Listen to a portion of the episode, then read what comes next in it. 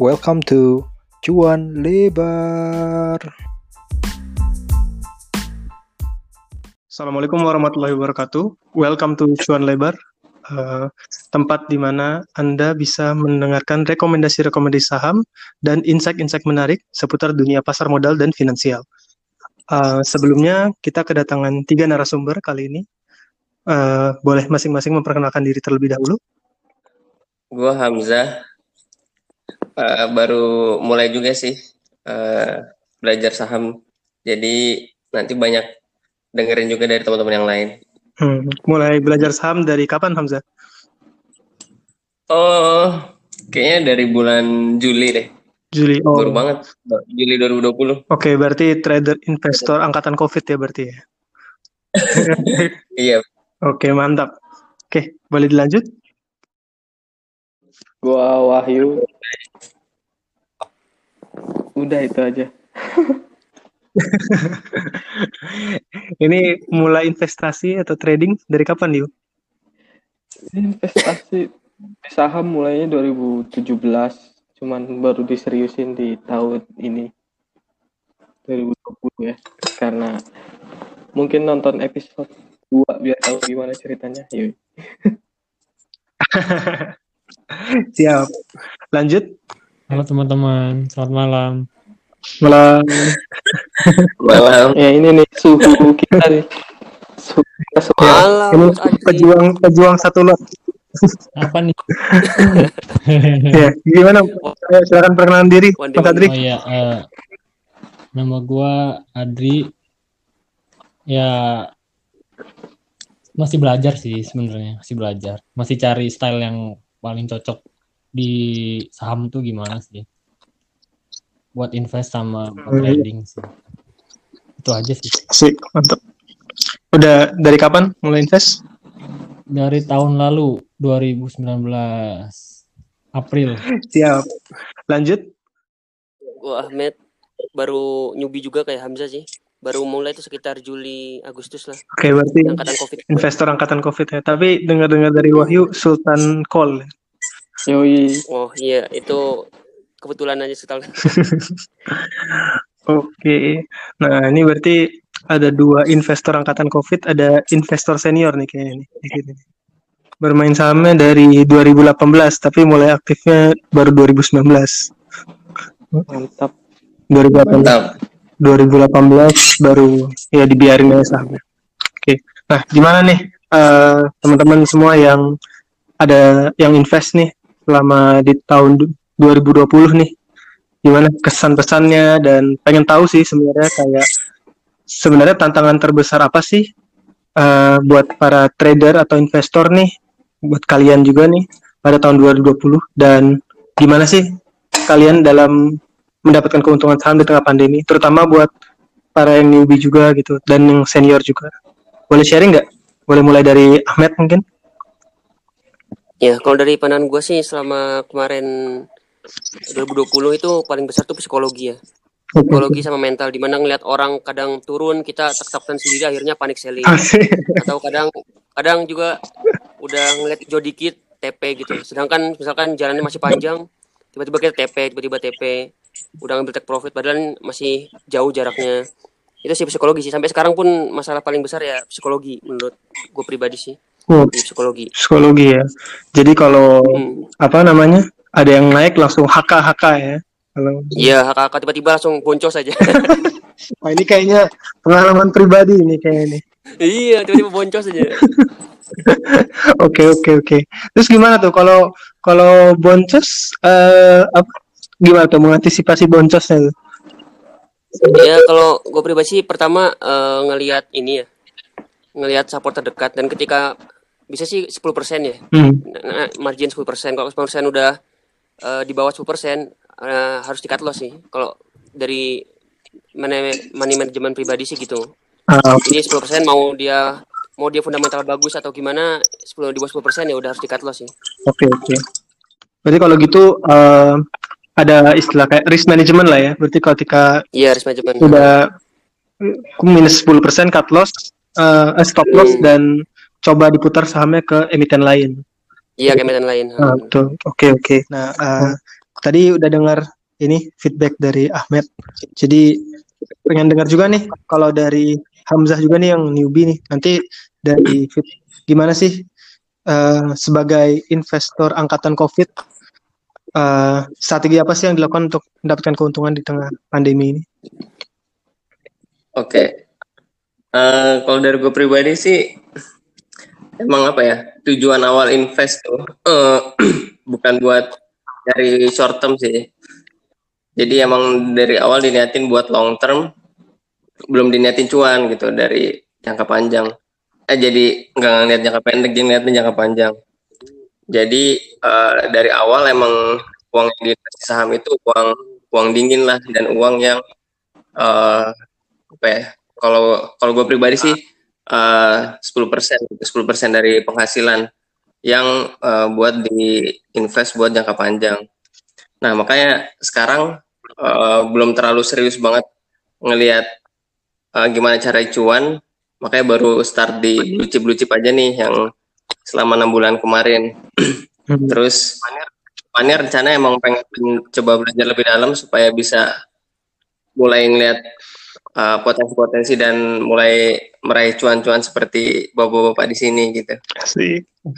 Tapi sebelumnya selama 2020 pertengahan 2020 apakah Mas Hamzah nih sudah mendapatkan cuan nih dari saham-saham blue chip? Eh, eh cuan itu tuh harus udah dijual apa hijau aja? Eh, misal capital gain atau dividen gitu. Oh, kalau dividen ada, kalau capital gain ada juga sih. Asik. Saham apa tuh? Oke.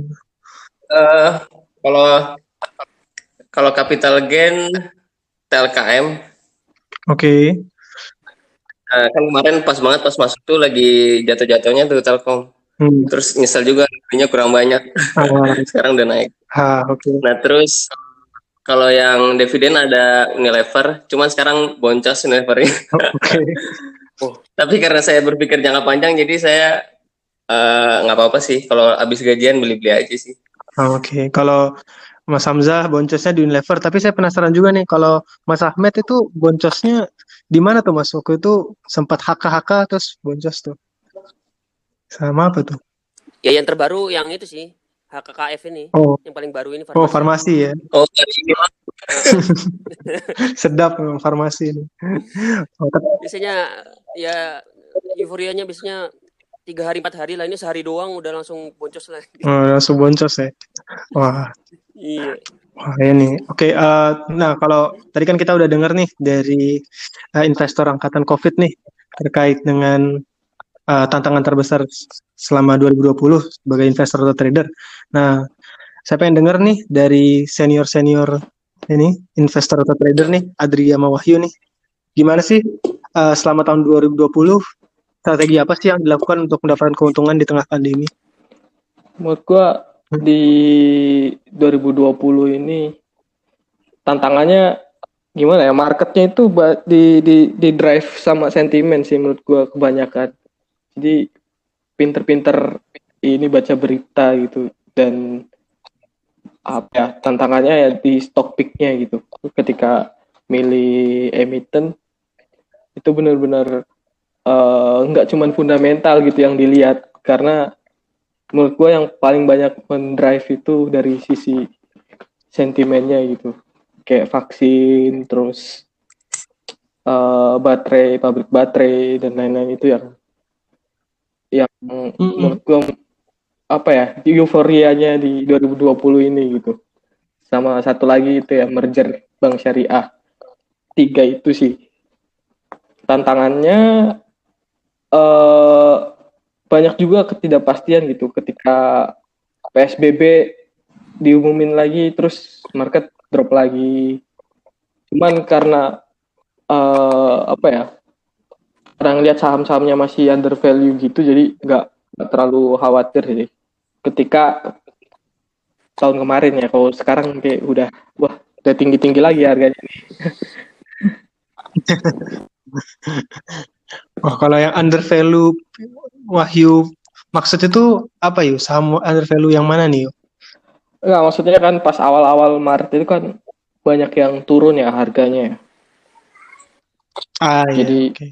itu kan sebenarnya banyak banget tuh saham-saham under value cuman kita nggak tahu pas kapan nih masuknya nih kalau awal-awal kan masih turun lagi turun lagi gitu kan terus bisa jadi ada Hmm, PSBB lagi udah naik-naik turun lagi gitu kan. Hmm. Nah, apa yang membuat Wahyu yakin untuk membeli saham ketika itu turun gitu? nah pas awal-awal sih gua itu ya gua patokannya fundamentalnya tuh. Oh yang penting fundamental deh. Di awal-awal gua masuk di, di salah satunya ini ya yang defensif tuh kan Summer Good. Nah itu di situ lumayan tuh awal-awal.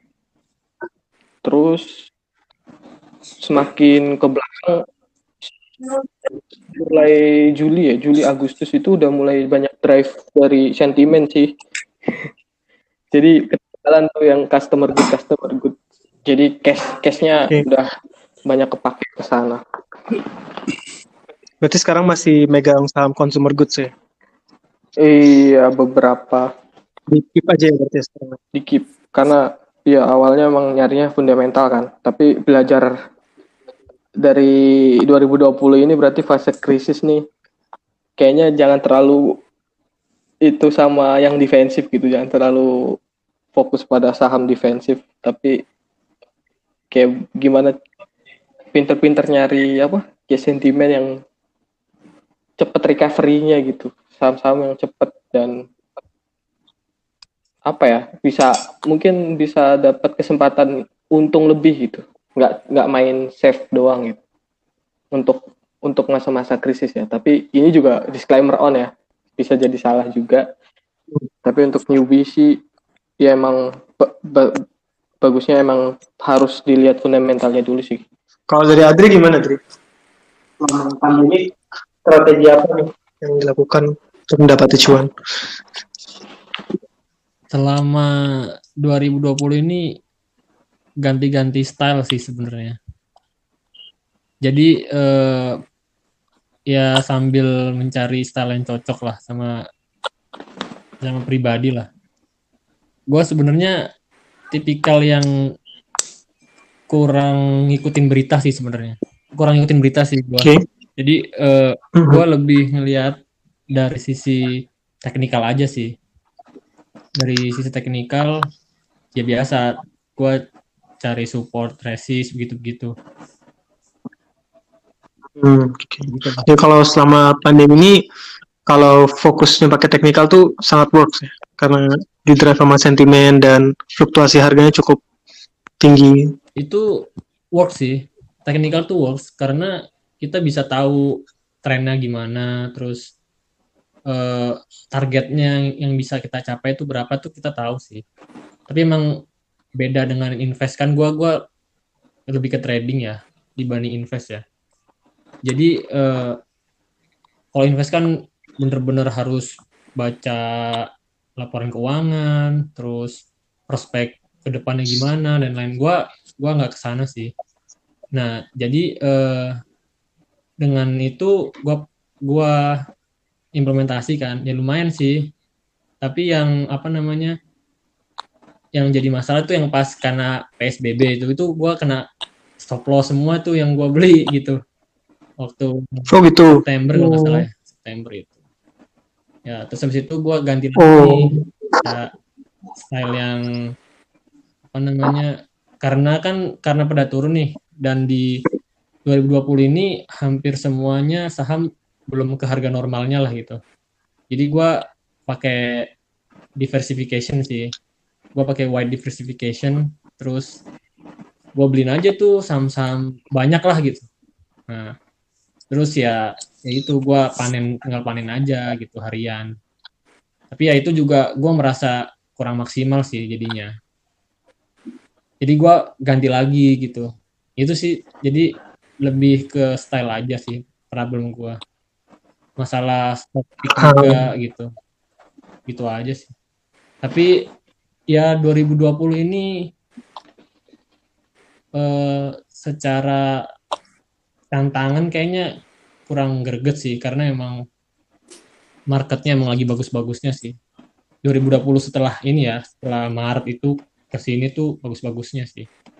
Jadi gampang banget gitu cari cuan lah gitu, istilahnya begitu. Beda kayak tahun sebelumnya, apalagi yang peraturan sebelumnya tuh kayak contohnya ARB gitu-gitulah, ARB-nya normal 25%. Itu beneran gua ngalamin itu dulu dua hari kena ARB 25%. Minusnya uh berasa. Kalau sekarang sih santai banget sekarang. Tenang lah gitu. Oh, berarti Adri lebih menikmati kalau ARB-nya 25% nih berarti daripada 7% nih.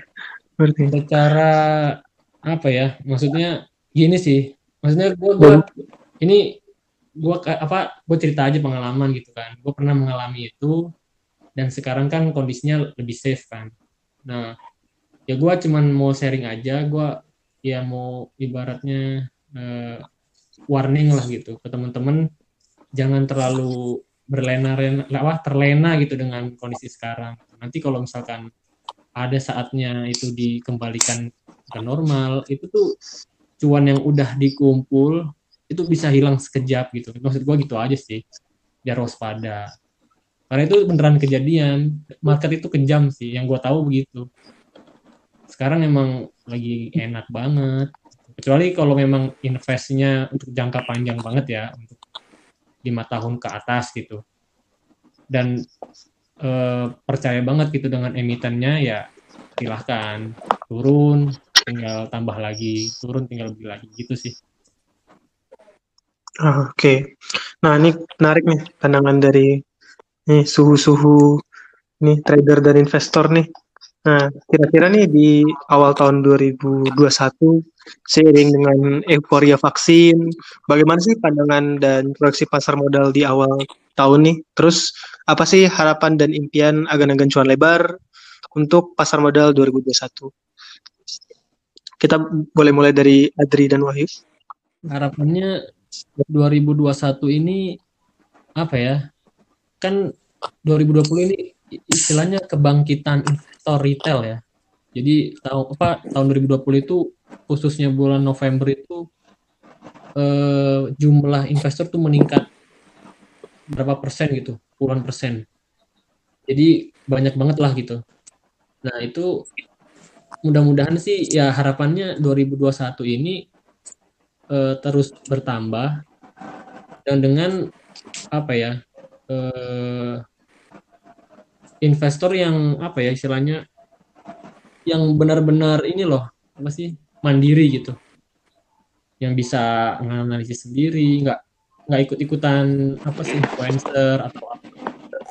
Sekarang juga marak nih lagi marak. Ya, Bu.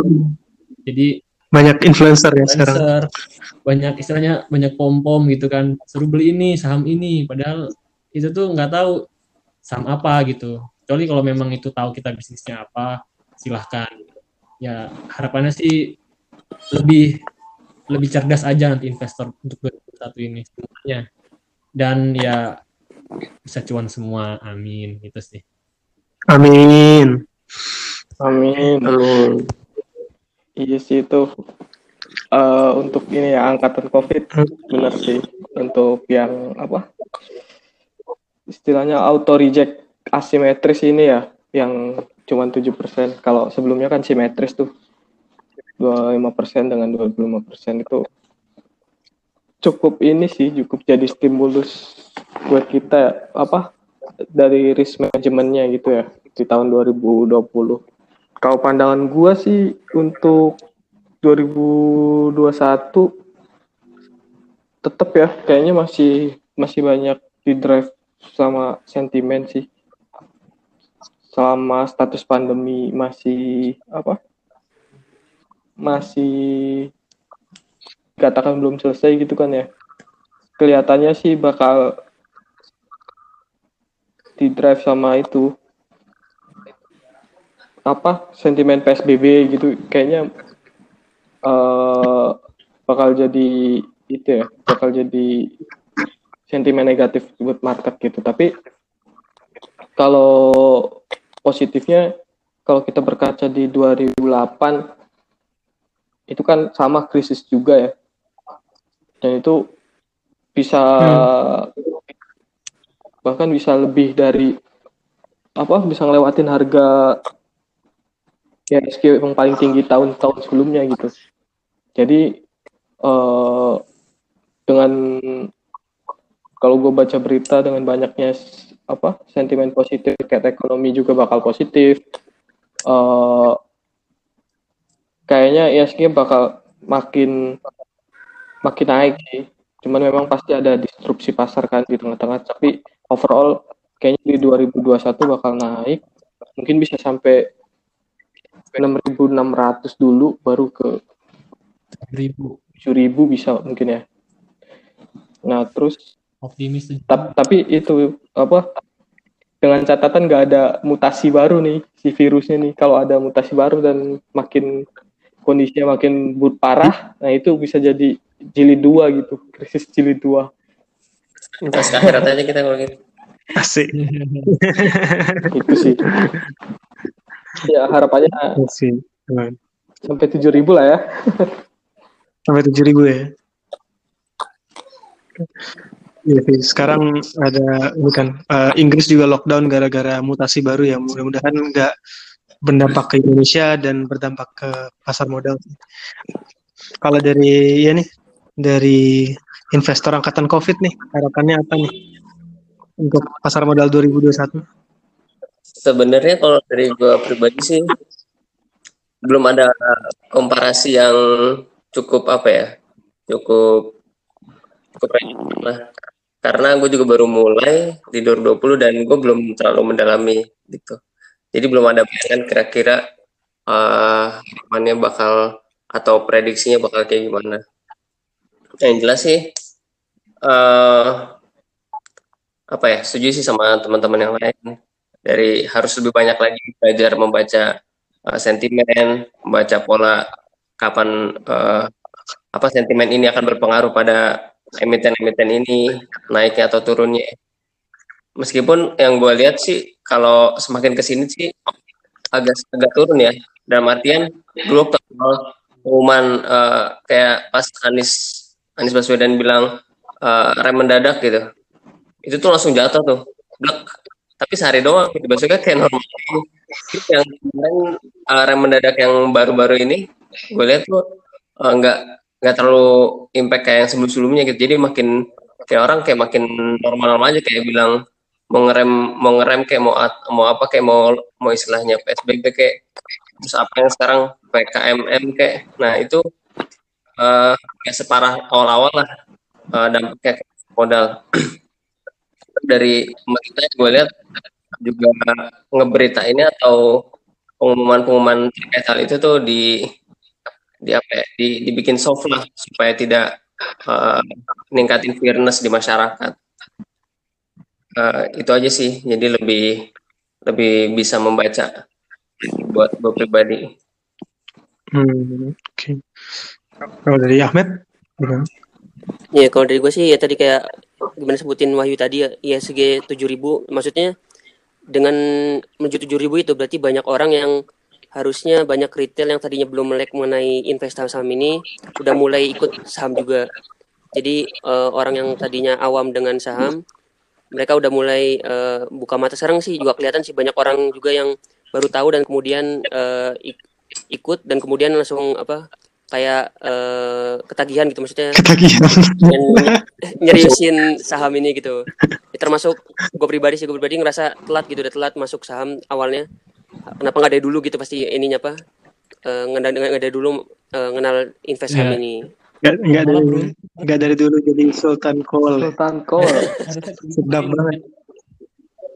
masuknya coba kalau dari Iya. 2020 awal dari Januari coba itu pas lu beli Maretnya Yang kejam-kejam ya. Maretnya turun Iya. pasti lu nangis Dan pas bulan Maret lu Januari masuk nih 2020 Maretnya turun Hmm. pasti nangis Iya.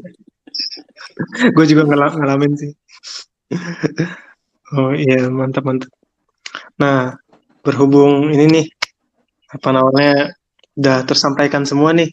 Pengen tahu dong dari masing-masing orang nih emiten paling cuan di tahun 2020 yang udah pernah dapetin. Dimulai dari Adri dulu, emiten paling terus cuan dilanjut KF sih KF, wih, sedap banget. Berapa persen tuh? Boleh tahu nggak? 60 persen. Wih, mantap. Kalau Ahmed, Eh, ITMG. ITMG, wih, di Sultan Kohl. Berapa persen? Kalau boleh tahu? Hampir 100 sih, hampir beggar tapi nggak nyampe tapi. Oh, kayak, wih, mantap. Kalau Wahyu, Eh, kalau gua kemarin pegas PGAS pegas, pegas berapa tuh? dari 900 jual di 1600-an. Hampir hampir 100 juga sih. Segitulah. Sedap. Sedap. Kalau Hamzah, Gua karena baru dikit juga TLKM doang sih. Telkom. Dari harga berapa atau persennya berapa tuh sekarang? Eh, kayaknya hampir 30 persen. Eh, Mantap. Kalau yang paling boncos nih, siapa yang mau bersedia ceritakan yang paling boncos? Ngelever lah. Sama Berapa ya? Lever sekarang tujuh ribu? Tujuh ribu ya sekarang ya lever ya? Iya tujuh ribu eh. Lever tujuh ribu, oke. Terus sama? Unilever. Lever, oke. Wah perusahaannya bagus tapi Karena boncos. Parah value-nya ini. juga gede kan yang masuk ke, karena mahal. Jadi boncos lumayan juga kalau turun. Ah, iya. Mantap, mantap. Kalau Ahmed, ICBP sih. ICBP. Wih, berat. ICBP Oh. ICBP tuh kemarin tuh berusaha jadi investor yang baik ternyata nggak kuat akhirnya di cut loss gitu. Wah, oke. Ka- Kalau Adri, Gua TLKM sih. Oh justru Telkom. Telkom dari tiga ribu ya? Ya Telkom dari tiga ribu ya, Adri? dari ya gua average down terus sampai 3000 terus gua cut loss di harga terendah banget tuh 2560 apa ya. Gua cut loss di situ. Oh di cut loss dirinya. Gua cut loss. Telkom tuh Wah, Bukannya TP Dri. gua cut loss Telkom. Jadi ya gitu gua gua kena kena fear sih. Waktu itu kan ini nih lagi down downtrend banget nih Telkom nih. Ini separah-parahnya ini gini-gini. Wah, gue butuh modal juga buat ke yang lain. Ya udah gue jual aja. Gue rugi gede sih di situ Telkom. ah, oke oke. Nah, kalau itu, ini kan udah cerita pengalaman buruknya lah boncos yang mudah-mudahan ya pendengar Tuan lebar juga inilah ya nggak nggak boncos lah ya dengar saran-saran dari investor angkatan COVID dan investor senior nih. Nah, yang terakhir nih emiten favorit 2021. Kalau kira-kira apa nih? Ya, terutama kan sekarang lagi euforia vaksin juga kan dan kayak call naik terus terus uh, ada sentimen-sentimen ada pom-pom juga. Nah, kira-kira emiten favorit 2021 nih. Boleh tahu nggak? Kita mulai dari Wahyu dulu. Emiten favorit 2021. Sido sih gua. Sido, Sido, Sido muncul ya? Sido Eh, muncul. Sido muncul. Investor. Mudah-mudahan ma- masih bisa turun ya. Nanti Hmm. kita serok di bawah. Ta- Target berapa ya? Kayaknya di- Target berapa? kalau ya? ngeliat grafiknya di pertengahan tahun ini bisa ke 900. Oke, ke 900 ya. Sekarang berapa sih? 700 sekarang 770. Udah Iya. 75 apa ya sekarang ya? Tapi ya gitu harus sabar-sabar. Ah, Gak apa-apa. Bikin pusing. si- Kalau Adri? Gua antam kayaknya tahun ini. Antam. Kenapa tuh? Dari sentimen ini sih, baterai sih. Pabrik baterai, terus kebutuhan nikel buat mobil listrik itu antam sih. Ah, Oke. Kalau Ahmed? Kalau dari gua sih Elsa sih. Soalnya harganya masih Elsa. eh, ya pertimbangan itu sih. Soalnya dia dulu sebelum Covid tuh nggak segitu harganya jatuh dan sekarang harusnya setelah Covid ada vaksin harusnya naik lagi balik lagi. Ah, oke. Target berapa? Oh ya, tadi belum nanya ini. Kalau Adri targetnya berapa? Kalau Ahmed targetnya berapa nih? Kalau Adri untuk target Antam berapa nih kira-kira nih?